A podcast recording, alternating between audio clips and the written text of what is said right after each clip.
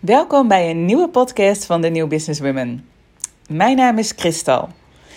Nou, en ik um, voelde heel erg de behoefte om deze podcast uh, op te nemen, want ik sluit net een coachingsgesprek af met een ontzettend talentvolle vrouw. En we hadden het over de ja, de wet van aantrekkingskracht. Uh, niet zozeer als term, maar wel door een situatie waarin zij zat, die volgens mij veel vrouwen die hun passies en talenten aan het volgen zijn, die hun hart aan het volgen zijn, herkennen.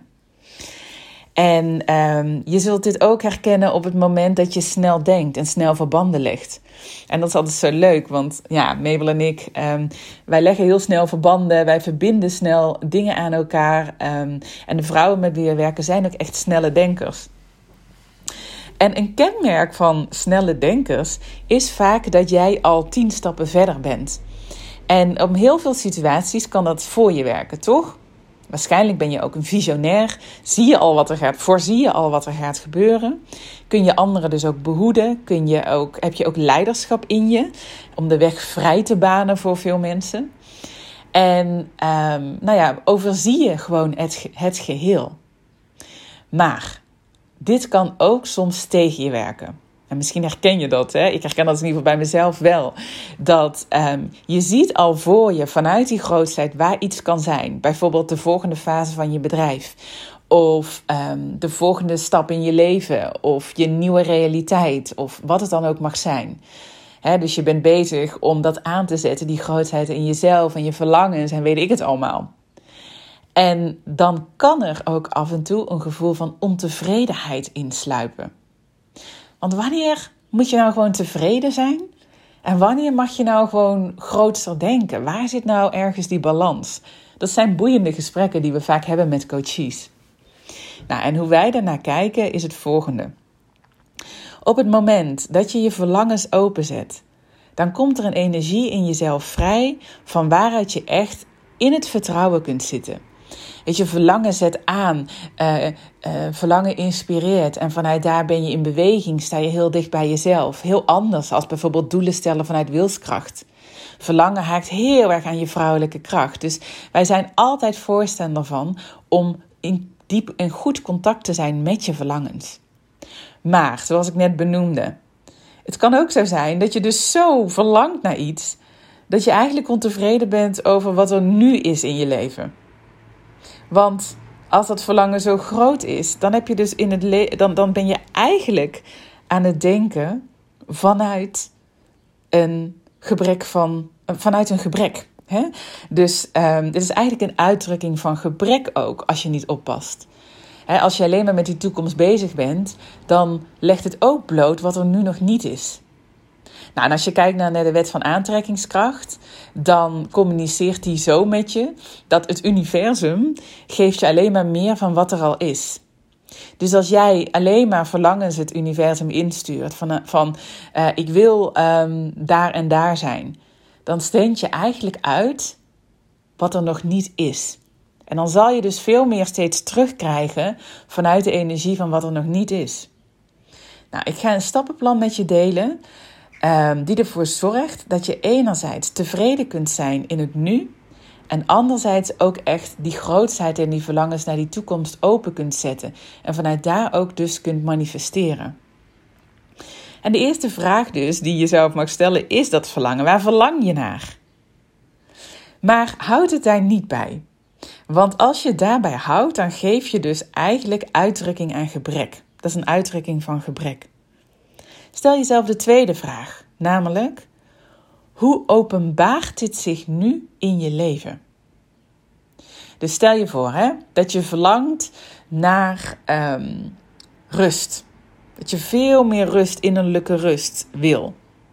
Dan zijn we geneigd om dus heel hard te werken om dat voor elkaar te krijgen. Stel jezelf dan de vraag: oké, hoe openbaart zich die rust nu al in mijn leven? Of stel dat je je verlangens aanzet voor nieuw werk of een nieuw bedrijf of een nieuwe carrière move. En het verlangen wat daaronder zit is zingeving of voldoening. Laat het daar niet bij. Stel jezelf de vraag: hoe openbaart zich die voldoening nu al in mijn leven? Op het moment namelijk dat je dat doet, dan connect je weer met dat gevoel van overvloed. Dan, dat is precies de energie van, je meer gaat aantrekken. En dan vervolgens de derde stap is: bedank voor dit gevoel. Want als je de waardering uitspreekt voor dat wat er al in je leven is, aan die gevoelens, aan dat wat zich al nu al openbaart, dan bevestig je dat het al bestaat.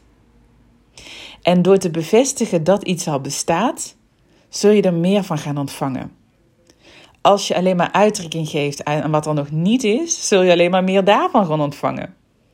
Maar wat als alles in overvloeden tot jou, voor jou beschikbaar is? Weet je, het kan best zijn. Uh, in het gesprek met de coachie net bijvoorbeeld, um, verlangde ze naar uh, nog veel meer zelfvertrouwen op, in haar bedrijf. Op het moment dat je daarbij laat, dan ga je hartstikke hard werken om dat zelfvertrouwen maar, maar, maar, te, maar te overwinnen en, en, en te stimuleren. En dat is natuurlijk helemaal niet erg of goed ook om regie te blijven houden. Maar tegelijkertijd mag je ook zien op welke vlakken in je leven, in haar geval, er al zoveel zelfvertrouwen is. Je bent een compleet mens, je bent een heel mens en alles is al in je aanwezig. We zijn erg geneigd, ook door de maatschappij waarin we leven, om juist licht te schijnen op dat wat er nog niet is. En daarnaar te verlangen.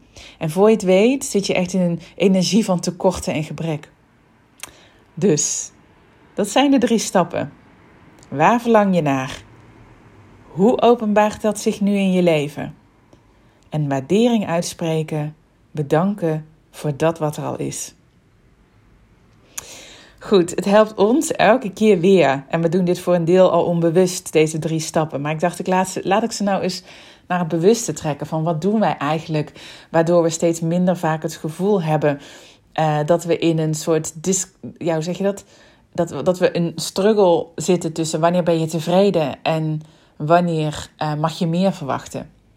Want dat is vaak ook, er zitten heel veel lagen in over. Ik zal daar ook nog een nieuwe podcast over opnemen. Het heeft natuurlijk ook heel veel te maken met jezelf gunnen. Maar dat is weer een nieuwe podcast. maar ik hoop dat deze stappen je in ieder geval al uh, enorm inspireren. Om ook vooral nou ja, te blijven manifesteren, manifesteren waar je ten diepste naar verlangt. Zonder ja, ontevredenheid de boventoon te laten voeren. Laat me vooral weten als je wil wat je van deze podcast vindt, wat je eruit hebt gehaald en nou ja, wie deze podcast nog meer zouden mogen luisteren. En we horen graag van je via een eh, comment op uh, iTunes, op onze site of op Spotify. En we vinden het ontzettend leuk als je natuurlijk in de stories op Instagram deelt wat je aan deze podcast hebt gehad. Goed, graag tot een volgende keer.